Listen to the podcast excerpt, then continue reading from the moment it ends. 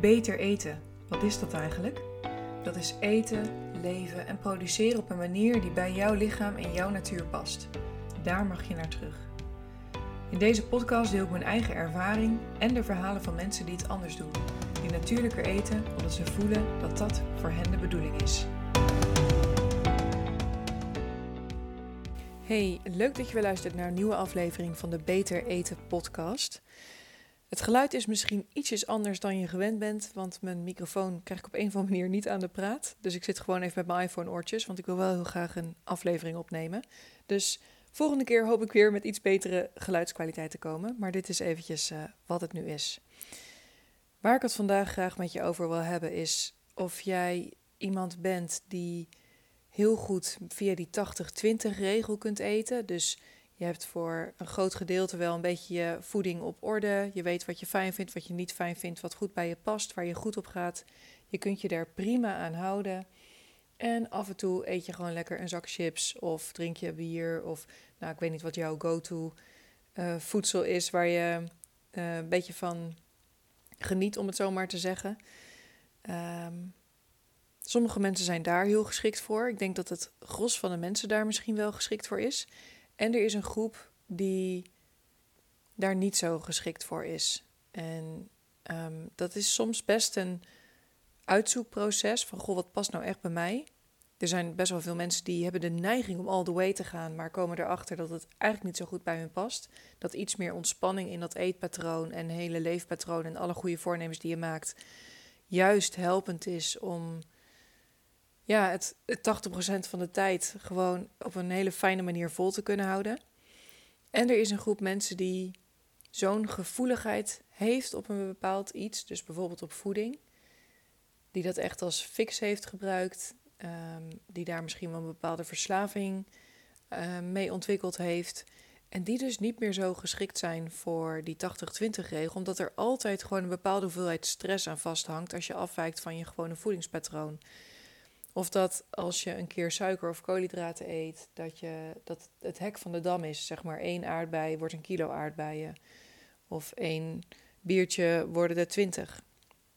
Nou ja, en ik kan me voorstellen dat dit onderwerp niet zo'n super populair onderwerp is. En dat, heel, dat deze aflevering misschien ook wel niet zo heel goed beluisterd gaat worden. En tegelijkertijd ja, wil ik hem wel heel graag opnemen, omdat ik um, het stellen van de vraag en hier echt eerlijk over worden naar mezelf, maar wel heel veel heeft gebracht. En weet je, het is nog steeds een ontdekkingsreis. Het antwoord wat je voor jezelf geeft op dit moment is ook echt niet in steen gebeiteld. Dus als jij nu denkt, oh, maar ik kan die 80-20 prima doen. En je komt er later achter dat dat niet zo is, helemaal goed. Of als je nu denkt, nou, ik ben echt een persoon voor all the way. Dat past het best, dat geeft me het meeste veiligheid. En rust. En, maar eigenlijk moet je erachter komen dat dat niet zo is. Ja, het is natuurlijk helemaal oké. Ehm, dus nou ja, welk antwoord je ook geeft, weet dat het nog kan veranderen. Maar jezelf de vraag stellen van, goh, wat helpt mij nou echt het meest? Hoe goed ben ik in die 80-20? Of hoe goed ben ik in all the way? Wat geeft het me? Wat zijn de consequenties van beide vormen? Um, ja, dat, dat kan heel nuttig zijn om jezelf die vraag te stellen. Nou, als we even kijken naar de carnivore manier van eten of ketogeen manier van eten, animal-based, noem het hoe je het wilt noemen. Iedereen heeft er een beetje een eigen term voor en ook een eigen vorm voor. Maar die is voor mensen die een beetje op een normale manier eten heel erg strikt. Dus dat is ook de reactie die ik het meest krijg, is van jeetje, eet je dan niet dit en niet dat? En af en toe kan toch wel en hoezo? Zo restrictief. Dus het lijkt alsof voor, voor veel mensen alsof dit echt um, ja, heel erg strikt is en heel erg beperkt. En tegelijkertijd hoor ik juist ook van mensen uit de carnivore community, uit de keto community, dat die kaders uh, heel veel vrijheid geeft. Omdat ze binnen die kaders gewoon rustig kunnen bewegen. Dus binnen die kaders kunnen ze eten wat ze willen. En ze hoeven niet bij alles na te denken: oeh, zal ik dit nu wel of zal ik dit nu niet? Of ze hoeven ook niet één aardbei te gaan eten en vervolgens de hele kilo op te eten, want ze doen dat gewoon niet. Dus ze komen niet meer in die cycle terecht, waar je later weer spijt krijgt van het eten en er misschien wel weer voor wilt gaan compenseren. Dus ja, het is maar net wat bij jou past.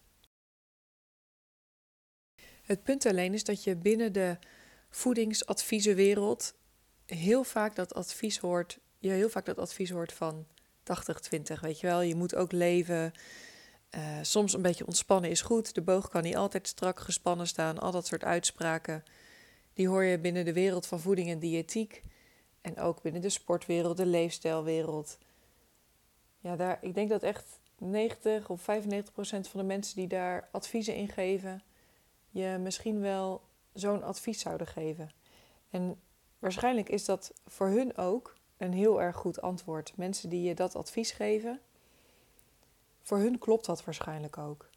Maar het punt is dat dat dus niet voor iedereen geldt. En ja, als ik bijvoorbeeld naar mijn eigen wijk kijk, mijn eigen buurt waarin ik woon. Ik woon in een soort community van uh, tiny houses. We wonen hier met z'n 18, 18 mensen tussen de 25 en 40 ongeveer. Dan denk ik dat iets van 10, 12 van die mensen prima met die 80-20 regel uit zouden kunnen. Die hebben geen gevoeligheid op voeding. Ik denk dat zij over het algemeen redelijk goed een pakje koekjes in de kast kunnen hebben liggen zonder daar de hele tijd aan te denken. Of prima af en toe wat aardbeien te eten, zonder dat die hele bak leeg moet. Of uh, wat ijs in de vriezer te hebben liggen en af en toe dat lekker vinden als toetje. Weet je wel? Dus die hebben niet die gevoeligheid op, op voeding. Die hebben dat misschien wel op andere dingen. Die hebben andere valkuilen. Maar die hebben niet die gespannenheid met voeding. Dus die kunnen gewoon iets eten. Af en toe een beetje buiten, de bo buiten boord gaan of buiten de boot gaan.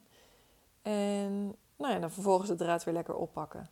En er zijn iets van vier tot zes mensen, denk ik, waarvan ik gewoon kan zien hoe. Ja, jij hebt die gevoeligheid met voeding. En ik, ik heb gewoon het idee dat ik dat kan waarnemen bij mensen. Mede doordat ik zelf daar zo'n hele reis in heb afgelegd. Maar ik heb er intussen ook heel veel mensen mee begeleid in mijn praktijk. Om echt te gaan kijken naar, hey, wat ligt er nou onder die spanning met voeding bij jou? Wat, wat zit daaronder? En ja, een gedeelte van de mensen waarmee ik dus woon in deze wijk, daar kan ik ook bij waarnemen. Oeh, jij hebt daar een spanning op zitten. Je hebt daar een gevoeligheid op zitten. Er zit een beetje een verslavingsaspect op. En ik denk dus dat voor die mensen, en daar reken ik mijzelf ook onder, die 80-20 regel helemaal niet zo fijn is. Omdat het mij stress geeft. Er zijn bepaalde voedingsmiddelen die in mijn leven gewoon, die ik zoveel heb gegeten, die een soort fix zijn geworden. Ehm, een fix voor als ik me eventjes niet zo fijn voel.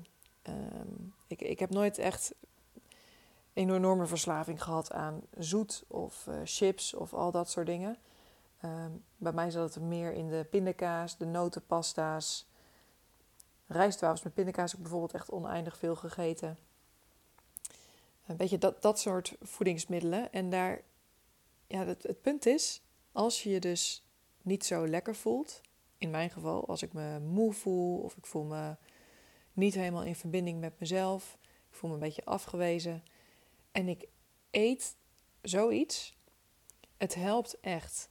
Zeg maar die combinatie aan vet en koolhydraten, die smaak. Uh, al die keren in mijn leven dat het al een hele goede go-to is geweest als ik me niet zo fijn voelde. Al die factoren bij elkaar maakt dat het iets heel fijns is om dan gewoon eventjes wat te eten. En je voelt je daardoor echt gewoon weer beter.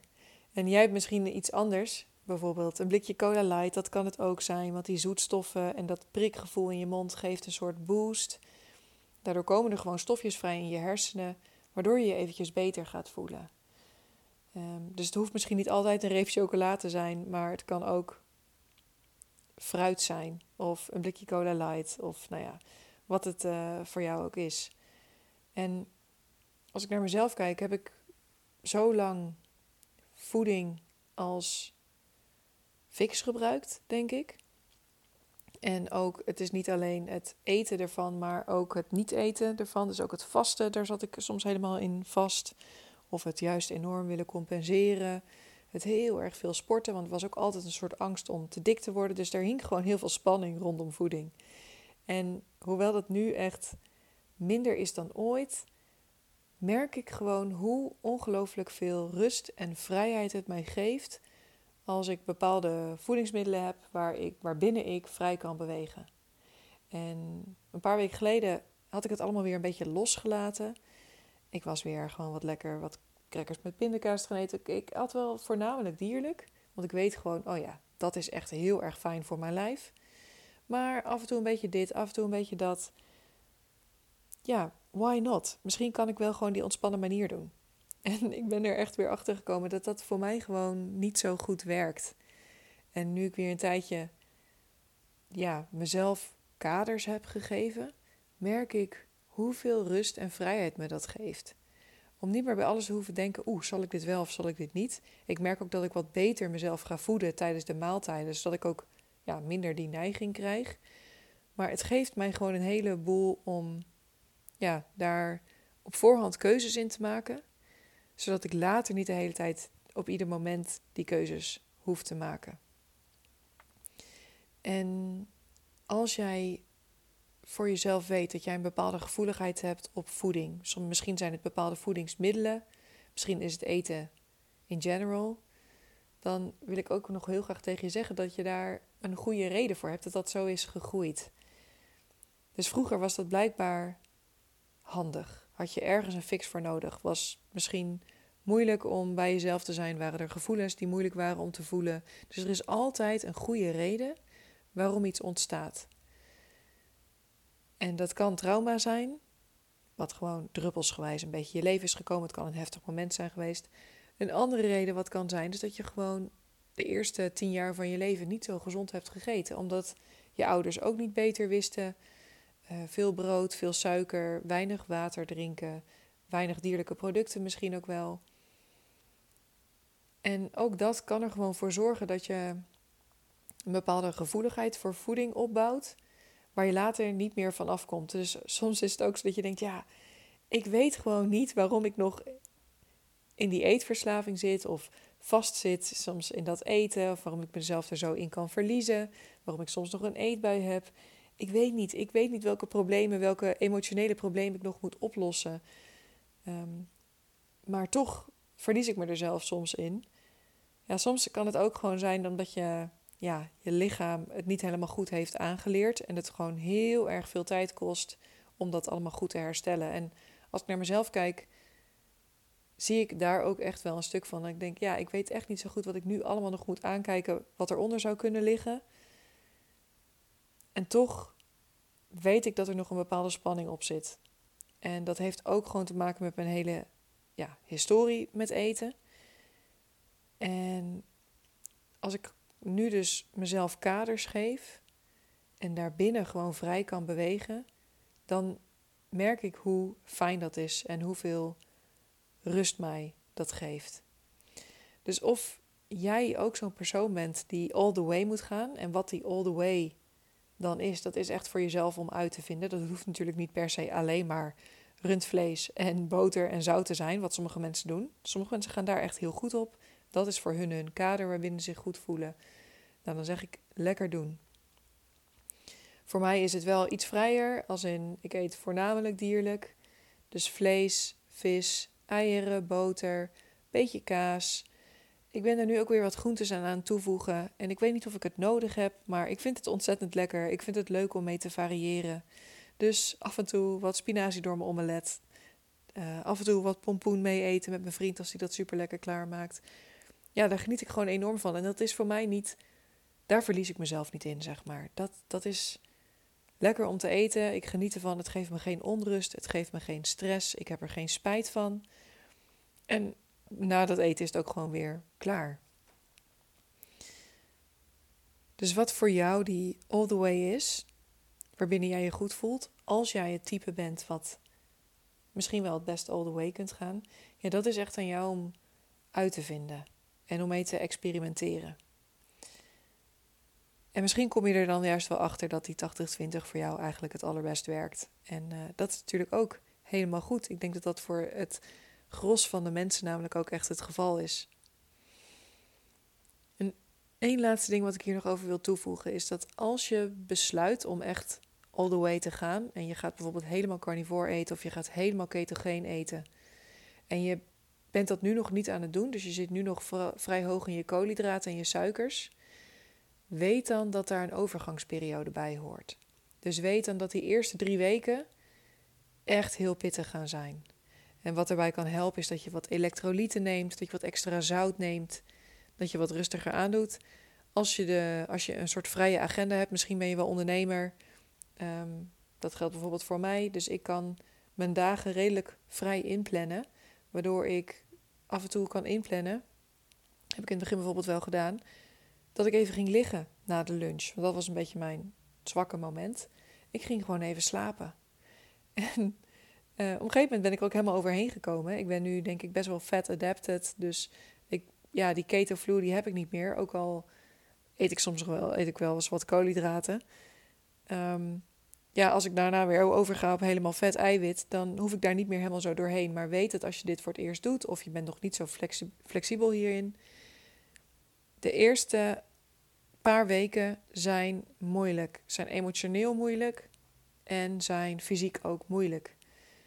En stel je daarop in. Ehm, je kunt het dus wat verlichten met elektrolyten en extra zout. Maar ja, laat je daardoor niet te veel uit het veld slaan, want daarna wordt het echt beter. Dat kan ik echt uit ervaring zeggen. Ehm, en ja, ik hoop dus dat je daar doorheen komt.